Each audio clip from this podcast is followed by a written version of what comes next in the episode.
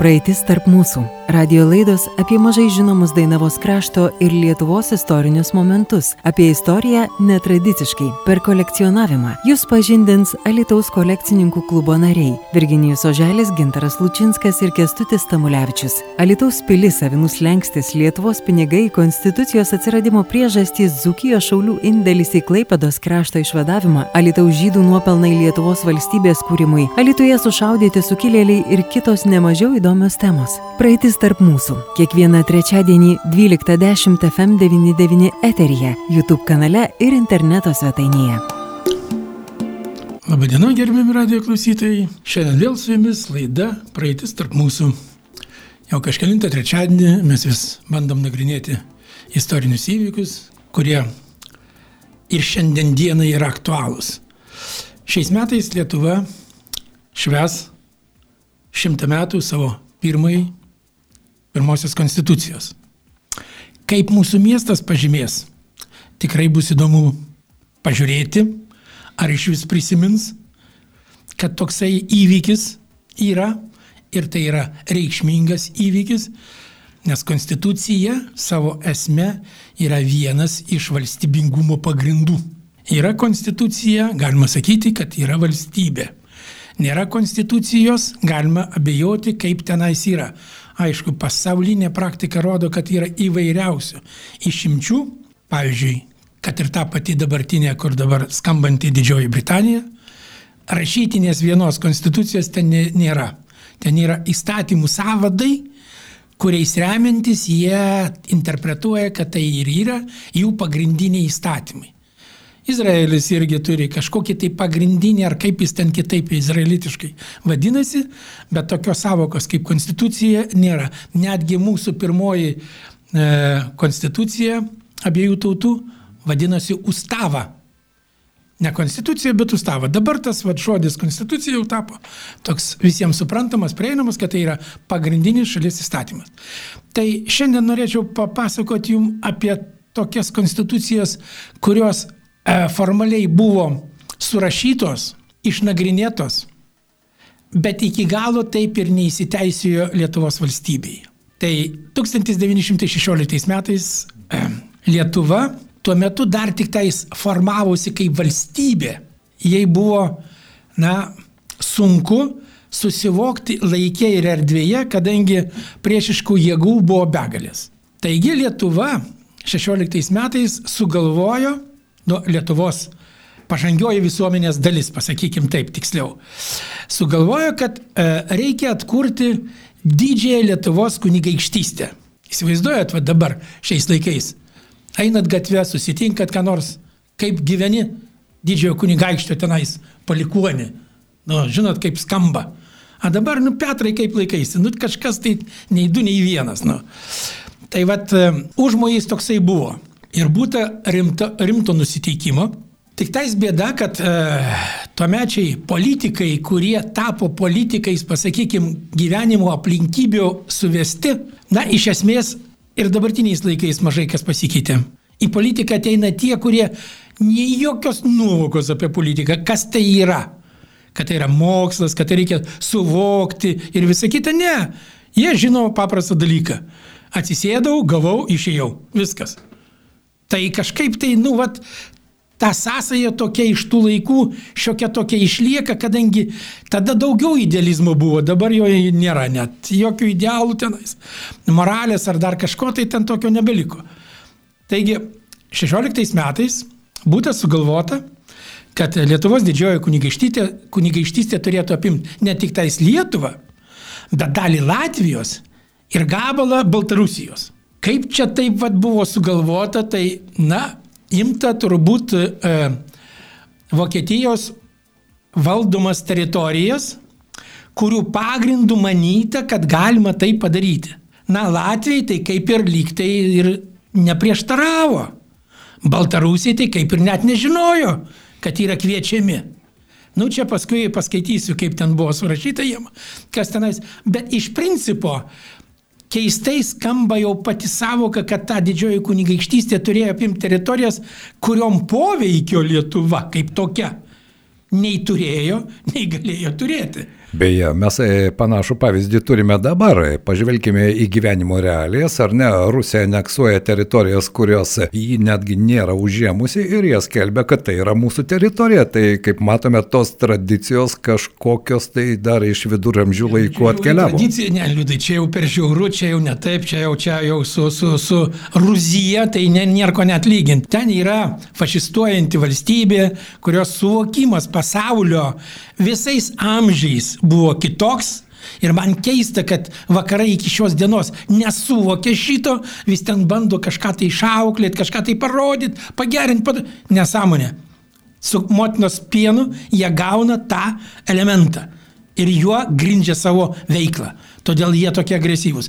Tada ne, tada broliai lietuviai taip negalvoja, jie ten nepaims kirvi ir neįs galvų nekopot, jie siūlė, pasakykime taip, draugiškai Latviams siūlė, kad jūs jungiatės kartu, tada tas gabalas Baltarusijos, na tai čia sakau, čia tos Vokietijos Oster, kaip, palauk, čia, tai reikia, kažkur taip, čia pas mane yra vokiški tie pavadinimai ir man sunku pasakyti, man juos reikia paskaityti, kur čia, net neberandu taip greitai.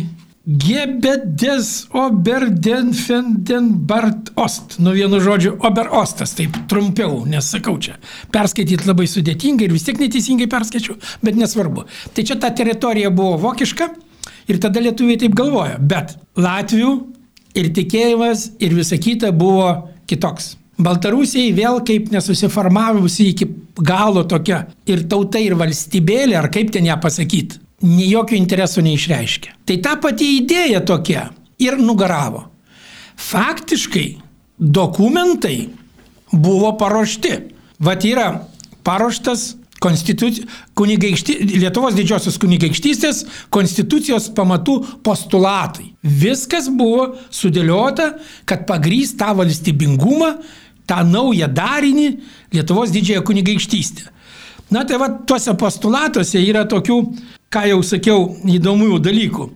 Toji didžioji Lietuvos kunigaikštystė susidaro iš lietuviškai latviškųjų etnografinių kraštų atsiremdama į Baltijos jūrą. Nu, kadangi mes Latvijai, nu tai čia vienu žodžiu prie Baltijos jūros, kaip ir tvarkoje. O kur čia dabar yra jie dar ir e, e, Baltarusiams leidžia. Va, kadangi e, senovėje prie Lietuvos didžiosios kunigaikštystės prigulėjo ir Baltarusiai, tai jai pripažįstų sutinkamus su savo tautiniais siekiais ir jie gali prisidėti kaip po trečioji sudėdamoji dalis. Nu, vienu žodžiu, ateikit, mes jūs laukiam, bet niekas neėjo.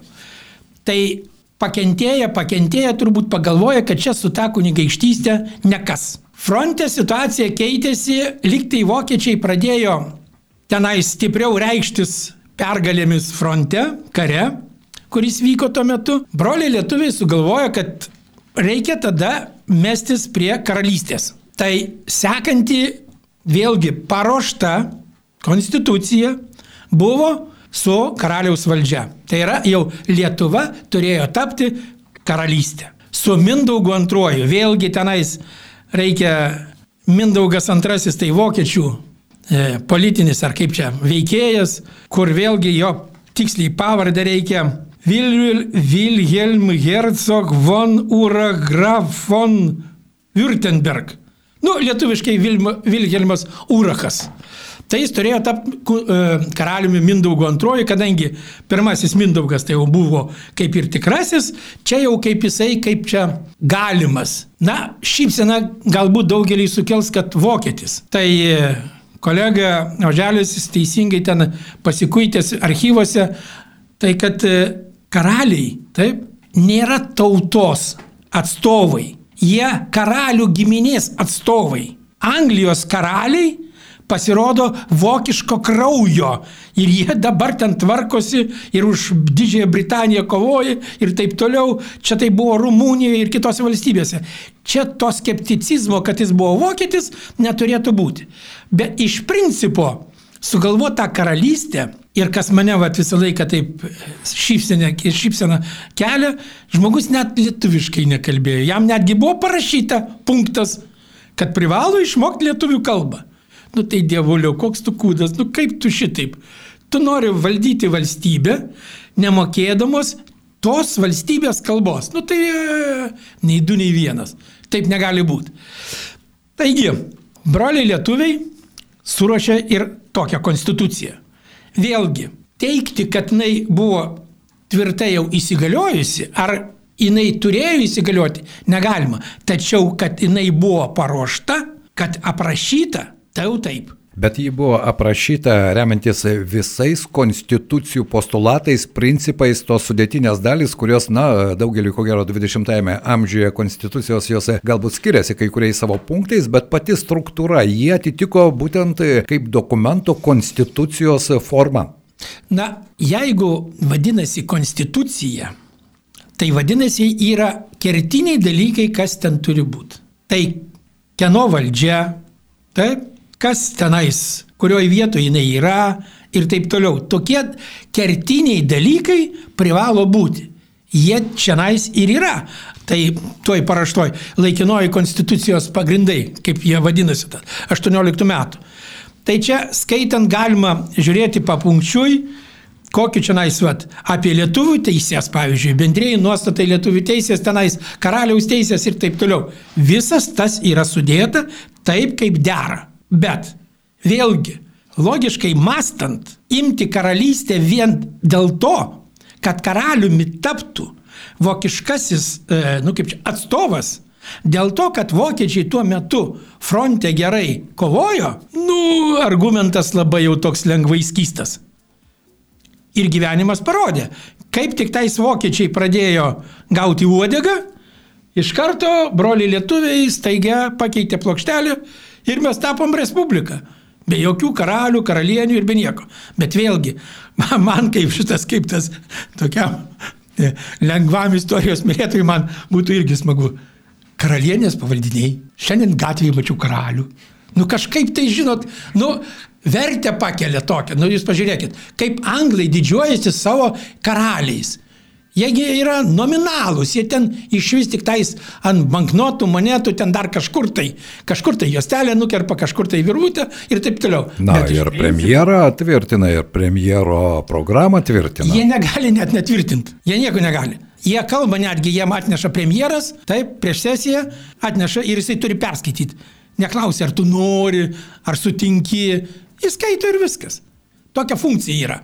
Tai yra, kaip čia, nu, ne butaforinė, dekoratyvinė, gal gražioji, bet ta prasme, moralinė prasme, žmonėm tai yra stimulas Bet tai galbūt tai kestuti čia, jeigu pamažys pradžią, 16-18 metus, jeigu mes pažvelgsime į tuo metinę Europą, tai tų monarchinių valstybių, sąrangos, monarchinės sąrangos valstybių buvo ne viena ir kai kurios iš jos sėkmingai išsilaikė iki 21 amžiaus. Tebūnė su ta monarchija dekoratyvia tuo atspalviu, bet pažvelkime Švediją, Daniją, Norvegiją ir taip galime tęsti, Ispaniją. Taip, taip, galima, galima tęsti, bet matot kaip yra. Esmė esminis dalykas, kaip Lietuvos Respublikoje, kuriant 90 paskutinę konstituciją, taip, prezidentas padarytas nei žuvis, nei mėsa. Seimas nei žuvis, nei mėsa. Čia vadinamoji kažkokia tai pseudo pusiausvyra, bet tai natūra tai yra visiškas absurdas. Tai yra XIX amžiaus konstitucija. Tai vad karališkoji versija yra kaip mes bežiūrėtume kaip ten simpatijų nejaustume, tai yra praeities etapas. Dėl paprastos netgi priežasties. Konstitucijoje pas juos tada ar kur nors tenais pagrindiniam dokumentui, kaip Anglijai, parašyta, kad paveldėjimo teisė.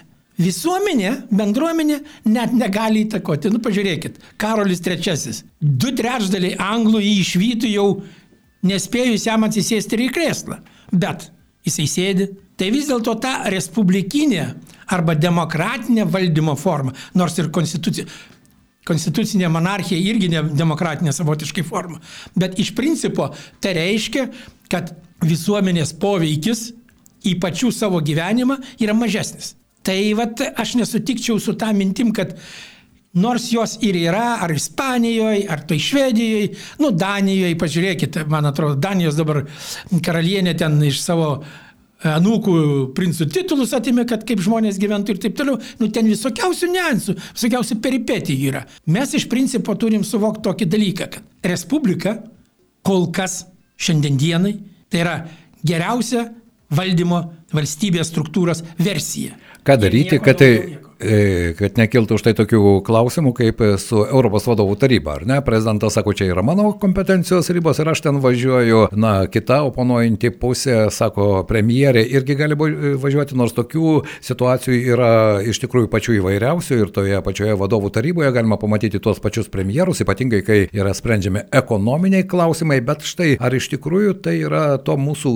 tos konstitucinės sąrangos skylės, dėl kurių ir kyla tokie debatai. Matot, aš jau tikrai paminėjau ir galiu dar dešimt kartų ir prisiekti, kur norit ir kaip norit, kad mūsų konstitucija, praeities konstitucija, apie dabar galiojančią, nes jinai netitinka šių dienų reikalavimų. Jinai buvo kuriama su baime ir atsvara praeičiai. Įsivaizduojat, mes ten prirašinėta visokių tokių dalykų, kurie gina mus nuo kažko tai, jeigu kažkas tai kažkada tai kažką tai mums darytų. Tai vad visos šitos, visi šitie debatai, ginčiai, kas ten turi važiuoti, kas ten nevažiuoti, dėl vieno paprasto sakinio, kad užsienio politiką vykdo prezidentas. Nu ir e, formaliai jisai teisus, jis važiuoja į visus susitikimus ten, kur jis nori. Kokia nauda iš šio važiavimo? Čia jau kitas dalykas. Aš manau, kad e, pats laikas rimtiems žmonėms va, pagalvoti, kad mums reikės kitokios konstitucijos. Na, dabar gintaras kolega imsis mūsų kaip tik e, istorijos dalies, kuri vyko pokaryje, Dzukijoje.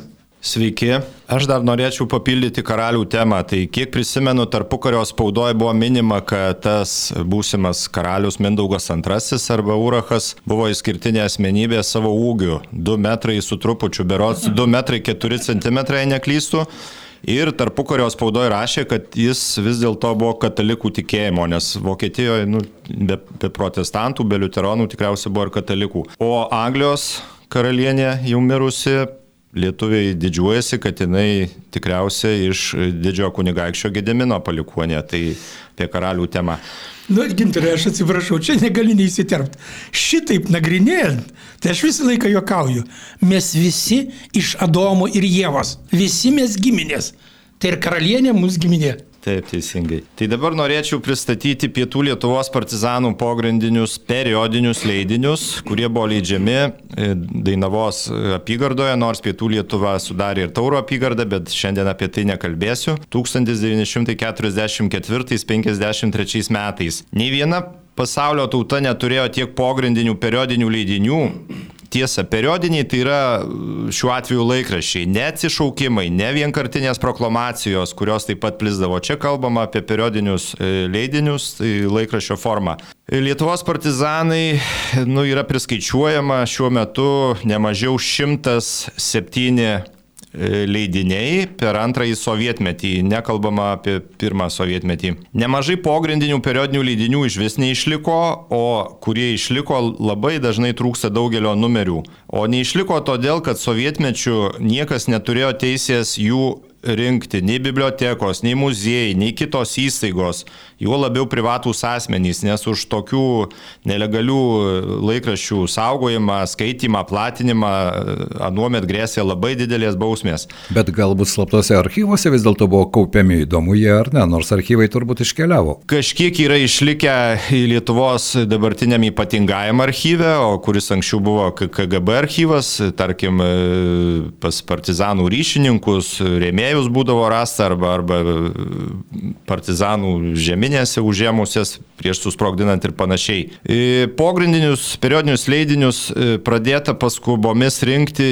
tik Lietuvai atgavus nepriklausomybę, kai nuo metu buvo labai populiari ir sąjūdžio spauda ir panašiai. Taigi, Dainavos apygardoje buvo leidžiami arba bent jau žinoma turima informacijos apie 18 periodinių leidinių. Aš trumpai juos pristatysiu. E, abecėlinė tvarka, ne chronologinė, bet abecėlinė. Taigi, Aukuras yra toks žinomas leidinys, buvo leidžiamas 1947 metais, daugintas rotatoriumi. Šio laikraštėlio devizas buvo tėvynės laisviai ir garbiai. Yra žinoma, kad išleista aštuoni numeriai. Dėl tiražų dabar e, taupydamas laiką labai nesiplėsiu, bet tiražai buvo įvairių leidinių labai įvairūs, nuo, tarkim, nuo 50 egzempliorių iki, iki kelių tūkstančių, yra žinoma ir 3000 ir panašiai. Antras leidinys tai Dainavos partizanas buvo leidžiamas 1949-50 metais. E, jis buvo daugintas rašomąją mašinėlę. Iš viso yra žinoma keturi numeriai. Laisvės rytas buvo leidžiamas apie šešis metus, tai 1945-51 metais e, Dainavos apygardos Šarūno rinktinė štabas leido, daugintas rotatoriumi. Žinomas tiražas iki 700 egzempliorių. Laisvės varpas, pakankamai ilgai leistas leidinys nuo 1945 iki 1952 metų. Pirmasis numeris išleistas 45 gruodžio 1, paskutinis žinomas numeris 39 pažymėtas 1952 m. rūpiučio 27 dienos data. Toks buvo dar leidinys Partizanų biletenis, žinomas, e, kad išleista 1951 metais.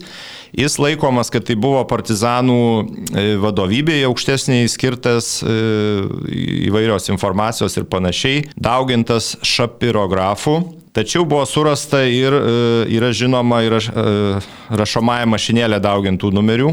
Iš viso yra žinoma šeši numeriai. Dar vienas leidinys, tai Lietuvo žygis. Taip. Čia samizdatas vadinamas tas, kada rašoma mašinėlė. Nesovietinių. Nu, iš esmės taip, tai būdavo daug, daug fizinio darbo ir, tarkim, ar bunkeriuose. Kopijavimo tą, šitą kaip tą. Vasaro, koperių, tai? vasaro šapirografas tai būdavo surinkamos raidės ir, nu, iš dalies kaip ir kopijavimo būdu, o kur rašomąją mašinėlę, tai jei geros oro sąlygos, tai yra ir išlikę partizanų nuotraukos, kai kurie partizanai lauko sąlygom ant kelmo, tarkim, spausdina, nu tiesiog, nu, kaip sekretorės mašininkės darbas toksai, o blogom sąlygom, nu, tai, tai bunkeriai ar slėptuvėje ar, ar, ar kažkokio, reiškia, nu, sudėtingom sąlygom. Dar kitas leidinys Lietuvo žygis, žinome tik tai 1945 metai, leidimo trukmė nežinoma, LLKS Lietuvos laisvės kovų sąjūdžio pietų Lietuvos ryties biuletenis 50-51 metais. Vakarus yra pasiekęs šio biuletenio numeris trečias, pažymėtas 51 metų Liepos 7 diena, Lietuvoje šio numerio nėra surasta. Mylėk tėvynę 1946-48 metais Merkio rinktinė štabas, čia Dainavos apygardos, iš pradžių daugintas rašomąją mašinėlę, vėliau rotatoriumi, yra žinoma 16 numerių. Miško brolis leistas 1951-52, daugintas rašomąją mašinėlę, yra žinoma 3 numeriai. Partizanas buvo leidžiamas 1949-53 metais, žinoma 32 numeriai. Paskutinis surastas 29, kurio data 1952 metai rūpiučio 25 diena. Pogrindžio žodis buvo leidžiamas 1950-52 metais, daugintas rašomąją mašinėlę. Sekantis leidinys politinių žinių biuletenis, tai leido Pietų Lietuvos e, štabas. E, surastas tik antras numeris, kurio data 1950 metai lapkričio 1 diena. Toks egzotiškas pavadinimas. Trečias skambutis. Jis buvo leidžiamas 1945 metais. Daugintas šapirografų. Yra žinomi trys numeriai buvo išleisti. Labai populiarus Dzukijoje e, leidinys Už tėvų žemę. Leistas 1945 metais nuo 45 iki 49 metų. Šio e, laikraščio aš vieną egzempliorių turiu savo kolekcijoje. 49 metų 11 numerio, patekęs irgi iš buvusių partizanų ryšininkų. Dar vienas leidinys tai užsienio žinių biletenis. Čia labiau štabo darbuotojams skirtas partizanų, daugintas rašomąją mašinėlę. Panašus vėlgi pavadinimas, kaip ir prieš tai buvęs žinių biletenis, leistas 1953-51 metais. Manoma, kad leido Pietų Lietuvos ryties štabas. Nebejotina, kad buvo leidžiamas Korejos karo metu, nes jame aprašomi to karo įvykiai Šio leidinio surasti du skirtingi tekstai, abu du be datų ir numeracijos. Vienas rašomąją mašinėlę, antras rotatoriumi. Nu ir va toksai įdomus dalykas ir mums visiems žinomo partizanų vado Adolfo Romanausko Vanago atminimuose aprašoma, kaip jis organizavo, beje, šių dauguma leidinių, ypač vėlesnio periodo, tai būtent buvo organizuota Liongino Baliukevičiaus Zuko ir, ir, ir, ir Vanago leisti leidiniai. Jie labai propagavo šitą kovą ne vien tik su ginklu, bet ir su, su laisvu žodžiu. Taigi, 17 mums žinomas leidinys buvo leidžiamas rusų kalba, jis vadinosi Svobodnaja Slova. Nu, išvertus laisvas žodis, beveik penkis metus buvo leidžiamas 1947-52 metais daugintas rotatoriumi ir taip pat rašomąją mašinėlę, taip pat šapirografu. Literatūroje nurodoma, kad jo išėjo 10 numerių. Ir dar vienas leidinys buvo leidžiamas rusų kalba Što takoja Sovietskaya pravda. Nu, anuo metu toksai partizanų literatūroje vertimas, gal nu, lituanistai kitaip pasakytų, kas tokia yra sovietinė tiesa. Jis buvo leidžiamas trumpai tik du metus 1945-1946 metais, daugintas rotatoriumi, bet tik pušios miške 9 km nuo druskininkų. Ten veikia spaustuvė nelegali Išėjo yra žinoma du numeriai, bet tikėtina, kad jų ir daugiau galėjo būti. Jisai buvo platinamas išklijuojant viešose vietose. Apžvelgiant tai, ką suminėjau, aišku, čia galima rasti informacijos yra, yra apie šituos leidinius ir, ir archyvinių, ir, ir genocido rezistencijos tyrimo tinklalapyje galima surasti, kas detaliau norėtų sužinoti. Tačiau dar norėčiau akcentuoti, kad šita pogrindinė spauda dabar, aišku, nu, nu kas tie laikrašiai kitas paklaus, nu kas ta periodika, nu nelabai kam ypač jaunimui įdomu, dabar internetas ir panašiai. Tačiau turėkime omeny, kad prieš 70 metų, nu kitokia realybė buvo. Ir anuomet pogrindinė spauda iš tikrųjų buvo labai galingas ginklas. Kaip minėjau, ne vien tik e, šautuvai ir, ir granatos buvo ginklas, buvo ir spauda. Tai gerai suprato ne tik okupantai, bet ir laisvės kovotojai nes, kaip minėjau, leido ir daugino įvairiomis priemonėmis, rašomosiomis mašinėlėmis, rotatoriais, šapirografais, netgi ranka buvo perrašomi tam tikri e, leidiniai. E, tuos leidinius e, šaltuose bunkeriuose parengdavo bunkeriuose yra žinoma, kad pastoviai deguonies trūkdavo, partizanus lengvai atpažindavo, reiškia, pagal veido spalvą išbalę dėl, dėl, dėl, dėl deguonies trūkumo ir panašiai. Ir palapinėse buvo rengiama, nes, nu, vis tiek gamto ir lietus ir panašiai. Nu ir pastoviai grėsė mirties e, grėsmė. Tai būtų tiek trumpai apie, apie partizanų leidinius. E, kaip tai susiję su kolekcionavimu? Iš tikrųjų, tai nu, labai susiję su kolekcionavimu, ne vien atvirukai, ne vien e, senos knygos, ne vien Šie leidiniai yra pakankamai reti. Jeigu kas pas save ar senose sodybos, ar kažkur nenuostabu, kad randa juk dabar ir atskirų partizanų archyvų ir, ir prieš porą metų ir, ir prie Marcinkonių Dzukijos vieno buvusio štabo rasta vadavietė ten įvairių ginklų ir panašiai buvo rasta, bet aukštaitijoje, žemaitijoje dabar yra tokios galimybės restauruoja senus dokumentus Vilniuje, ta prasme yra, yra tokie centrai, tai, tai įdomus dalykas ir ir, ir, ir kaip minėjau, per savo ilgą kolekcionavimo tą gyvenimą, tai pas mane patekęs tik tai vienas leidinys, nors pažįstu asmeniškai dar keli žmonės, kurie taip pat savo kolekcijose turi po, po vieną, po, po du tam tikro leidinio egzempliorius. Čia būtent tai. Parodą jau esame organizavę spaudos dienai, kurioje buvo demonstruojami e, leidiniai aišku, netokio, na, tokios svarbos ir retumo, bet vis dėlto ten irgi buvo įdomių leidinių. Tai mes tą prasme, kad kaip čia mėgstame parodyti. ką turite. Beje, savo archyvose, nežinau, kur jis tik tai dabar yra, aš turiu dar 70-mečio, dar mokiausi mokykloje, čia pat antroje vidurinėje mokykloje ir prisimenu, kad amžinatilsi chemijos mokytojas Pranevičius mums ten už mūsų išdaigas nusprendė pamokas padaryti ir sekmadienį, nes mokėmės ir šeštadienį. Tai sekmadienį einant į mokyklą, čia pat miesto e, sode prie fontano radau begalę, na kokią 50 nuotraukų. Ir kasgi tose nuotraukose, o tai buvo Lietuvos išlaisvinimo sąjūdžio nuotraukėlės, tai yra atsišaukimas, bet jau foto būdu pagamintas, na, 74-5 metai kažkur. Ir dabar mano archyvose kažkur dar jis turėtų būti, bet aš jį taip saugojau. Matai, iššifruojam užsislėpusi kolekcionierių, kuris net nežino, kad jisai kolekcionierius. Tai ja. pirmoji stadija šitas kolekcionierius. po to, kai jau pradėsim selekcionuoti, tada jau parodys ir... Kada atsirinks jo, susipras, tai tada jau taps tikrų kolekcininkų. Jeigu galima naudojantis progą, norėčiau dar klausytojus pakviesti ketvirtadienį, tai yra rytoj 16 val. Medvilnės kultūros, nu aš sakysiu senovinį pavadinimą, kultūros rūmuose vyks parodos atidarimas. Mūsų kolekcininkų klubo narys, advokatas, teisininkas, medžioklės ir žvėjų draugijos pirmininkas Vytautas Kucevičius pristatys, galima sakyti, asmenę parodą, kuri vadinasi Medžioklė kitaip. Tai bus ne tik tai, kaip sakyt, ragai ir, ir, ir, ir, ir nagai, bet ir, ir, ir, ir bus Manau, kad ir leidinių bus, ir, ir tarkim, kitų įdomių eksponatų, tai kviečiam pagal galimybę. Kontūrėlį. Tai čia su jumoru. Vytautas tikrai neužpiksat mūsų, kadangi jis mūsų klubo bičiulis. Gerai, dėkui visiems uždėmesi. Dėkuoju uždėmesi. Susitikimo. Sudie. Praeitis tarp mūsų.